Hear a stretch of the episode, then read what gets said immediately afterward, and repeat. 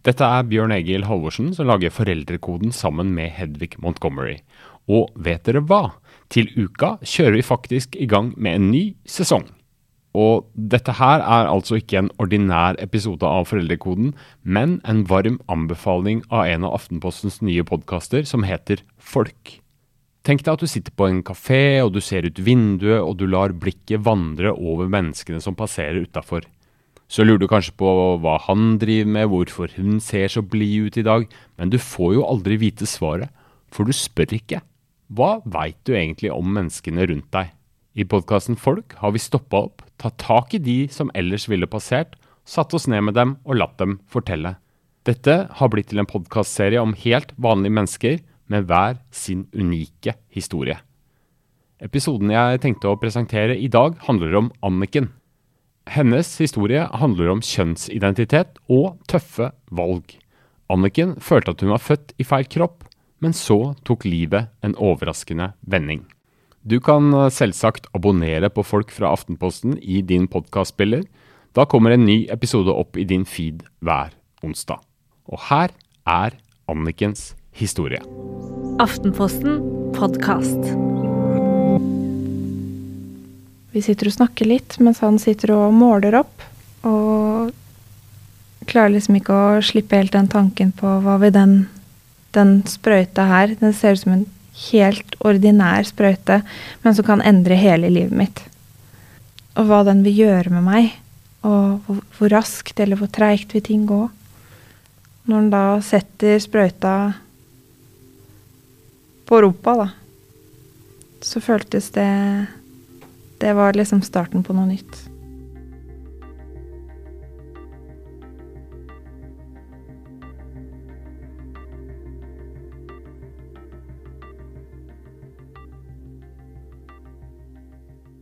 Altså jeg følte meg jo annerledes, fordi liksom de vennene jeg hadde da, da når jeg var ung, de var liksom sånn interessert i gutter og var liksom De hadde liksom sine greier, mens jeg hadde liksom ikke de samme interessene.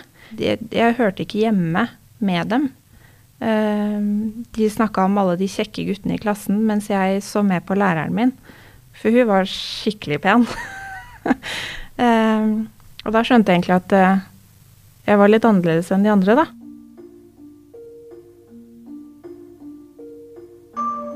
Jeg har veldig mye krøller. Veldig mye ordentlige krøller. Så det var liksom veldig mye krøller, veldig tjukt og veldig langt. Og alle syntes det var jo så flott, for jeg så ut som en sånn derre prinsessegreie.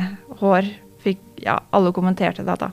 Når jeg var hos frisøren, eller hvis noen så meg, liksom 'Å, kan jeg få ta på håret ditt?' Jeg syntes det var irriterende.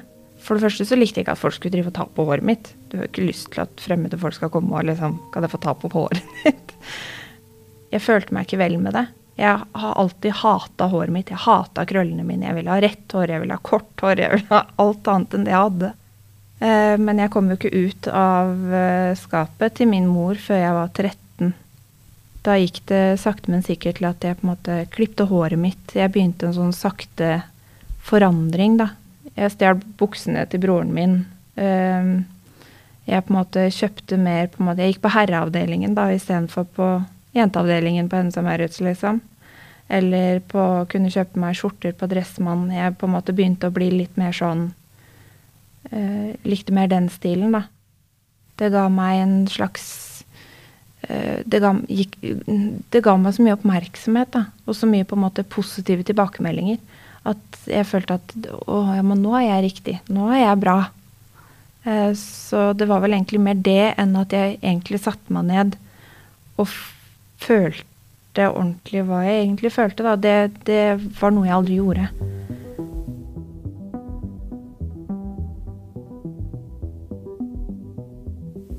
Jeg undersøkte mer hva som på en måte fantes i verden rundt. Jeg hørte historier fra andre. Eh, og kjente meg veldig igjen i disse historiene om folk som fortalte at de var født i feil kropp. da. Eh, at de egentlig skulle vært menn. Så mm, jeg tok det steget å snakke med fastlegen min om det her. Uh, og hun sendte meg da videre til Rikshospitalet.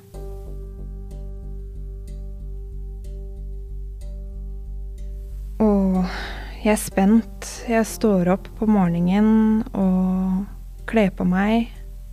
Jeg drar til Rikshospitalet og kjenner at jeg har hjertet i halsen.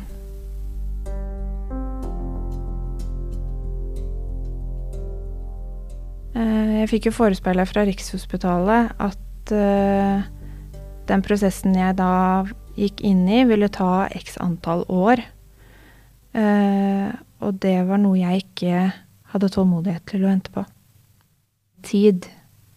Det var det hjernen min sa hele tiden. Tid, tid. Det her tar tid.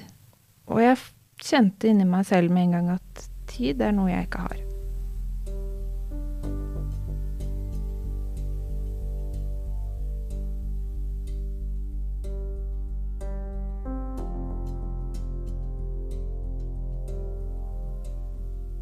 Men i mellomtiden så begynte jeg på en måte Jeg forberedte meg selv. Jeg ville gjøre meg selv bedre allikevel. Jeg kjøpte meg chest holders for å holde inne brystene mine, så jeg kunne på en måte rette meg opp i ryggen.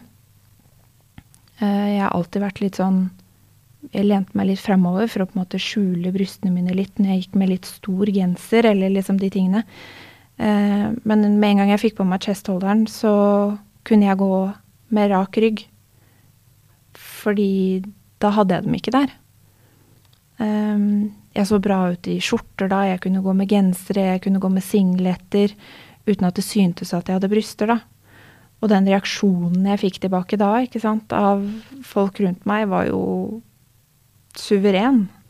Eh, men jeg fikk jo et sånt forhold til den chestholderen at jeg klarte jo ikke å ta den av. Jeg ville jo ikke ta den av. Jeg hata jo å gå i dusjen, for da måtte jeg ta den av. Eh, men jeg sov med den på. Jeg hadde den på konstant, unntatt når jeg dusja, da.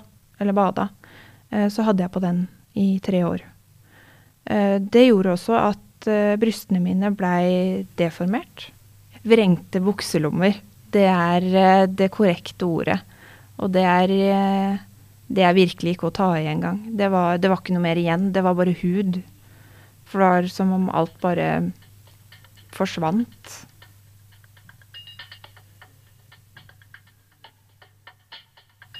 Noen bekjente av bekjente, da, ehm, var eh, behjelpelig til å skaffe testosteron, og var godt eh, kjent med det, da. Og det skulle tilsvare det som Rikshospitalet eventuelt da ville gi meg. Ehm, jeg kommer da hjem der, da. Og For han sitter og måler opp denne sprøyta som jeg da skal få, da. Var klar. Jeg er klar. Spent på hva det her vil gjøre med meg, og hva det vil gjøre med kroppen min. Herregud, så spent jeg var.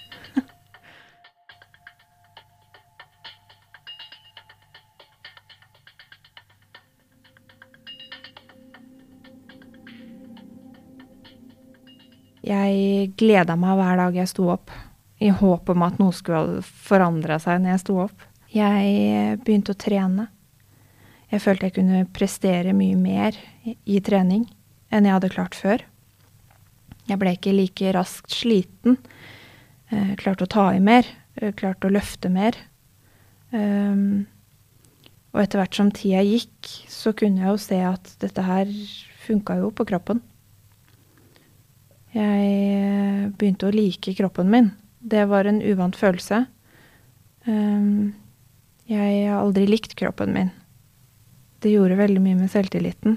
Eh, og det var jo noe jeg fikk høre hver dag av de rundt meg, hvor bra jeg så ut. Um, og det var Jeg fikk en Det var en ny type aksept igjen, som bare dro meg lenger og lenger inn i denne verden som jeg hadde stupt inn i. Jeg var bra. Jeg var best. Og jeg kunne få dem jeg ville. Da hadde jeg kommet til et punkt hvor jeg var veldig lei eh, chestholderen min. Jeg vil gå toppløs på sommeren. Kunne gå med en shorts og bare føle meg bra med den nye, veltrente kroppen min. Jeg ringer rundt til flere og hører om dette her med top surgery, og får avslag på avslag på avslag på avslag. Så jeg undersøker på nettet og finner jo ut at uh, men det her er jo fullt mulig i utlandet. Så jeg begynte å ringe mer rundt og til utlandet og sjekke opp priser og hva det ville koste meg å fly ned, og hotellopphold der nede, og hvor lenge jeg måtte bli etter en sånn operasjon, og alle disse tingene, da og begynte å spare penger.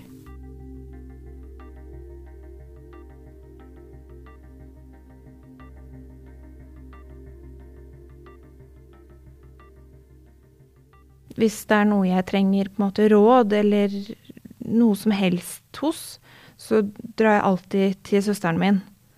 Hun er fantastisk på alle måter. Uh, hun får meg ofte til å på en måte tenke gjennom ting jeg sier eller gjør, eller hvis det er en handling jeg er i, eller hvis det er noe, så er hun veldig flink til å på en måte få meg til å reflektere over hva jeg egentlig driver med. Når jeg da innrømte til søsteren min at jeg hadde begynt på testosteron, så sa hun det har jeg visst. Fordi du ser ikke ut som deg selv. Og hun var jo sterkt imot det her. Jeg forventa støtte jeg forventa at det her var Skulle hun være helt med på.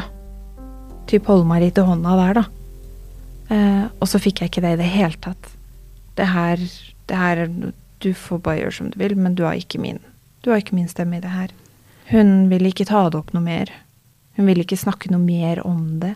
Hun lot det liksom bare ulme i lufta, som en sånn, som en sånn stort ubesvart spørsmål. For min søsters del så er det hennes måte å få meg til å tenke på.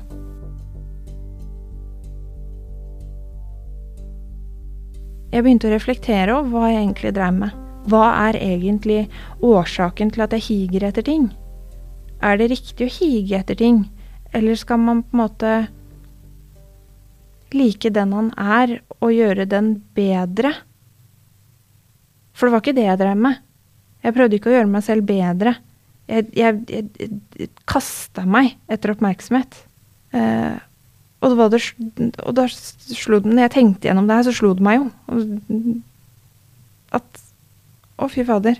Det her er ikke riktig. Altså, det var som å bli slått hardt i huet med en steikepanne. Nei, her stopper Her stopper det.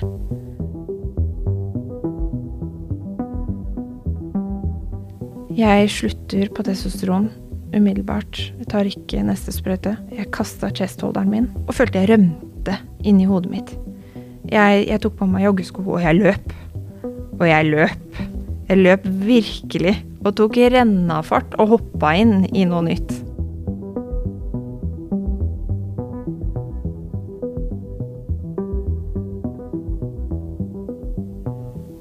Alt jeg da hadde klart å bli, ville jeg endre på. Midt oppi alt det her, da, så har um, kona til broren min 30-årslag. Da har det bare gått noen dager fra jeg finner ut at det her er ikke meg. Og tenkte at her må jeg gjøre noe. Så jeg kjøper den trangeste kjolen jeg finner på New Yorker, og den var kort. Den var virkelig kort. De høyeste stiletthælene jeg kunne finne. Jeg farga håret mitt. Jeg gikk fra å ha nesten svart hår til å ha nesten hvitt hår dagen etterpå. Eh, og masse sminke. Og jeg møter opp i dette 30-årslaget og går inn døra.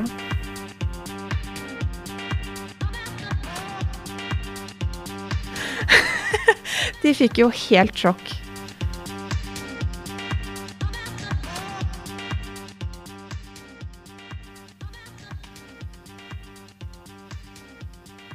Det var spranget mitt, som jeg tror jeg trengte. Bare for å jeg vet ikke, jeg slipper løs en eller annen indre demon, eller hva det enn måtte være. Det, det, var noe. Men det ga meg et eller annet jeg trengte også. Med tid og stunder så fant jeg sakte, men sikkert litt mer en stil jeg var komfortabel med. Men det er jo ikke før nå, de siste åra, hvor jeg har ish visst hvem jeg egentlig er. Og, men jeg er veldig stolt av å kunne si i dag at jeg veit hvem jeg er, og jeg er trygg i meg selv. Uh, og alle disse erfaringene har jo bare gjort meg så sterk. Og gjort meg til den personen som jeg er i dag. Og den personen er ganske fantastisk. Det jeg har lært aller mest av gjennom disse erfaringene, er vel det at du må stoppe opp. Du må tenke. Og det gjelder ikke bare for sånne som meg, som har vurdert dette å endre kjønn, men det gjelder alle mennesker. Innimellom så må du stoppe opp i livet, og du må tenke og føle og kjenne på deg selv. Hvem er jeg?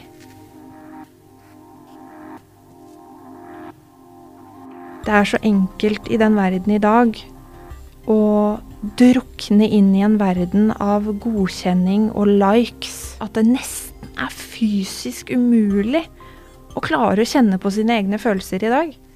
Så nå er det virkelig viktig å være stolt av den en selv er, uansett hva en gjør eller finner på. Men det å akseptere seg selv, det er viktigere nå enn noen gang.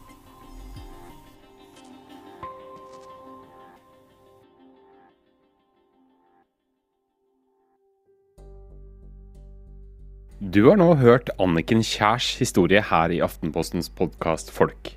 Episoden er produsert av meg, Bjørn Egil Halvorsen, og resten av redaksjonen er Fride Næss Nonstad og Karoline Fossland. Har du en historie du vil dele, eller en tilbakemelding til oss, vil vi veldig gjerne høre fra deg. Send oss en mail på folk at aftenposten.no. Og vil du vite mer om menneskene du hører om i denne podkasten, da følger du Folk podkast på Instagram.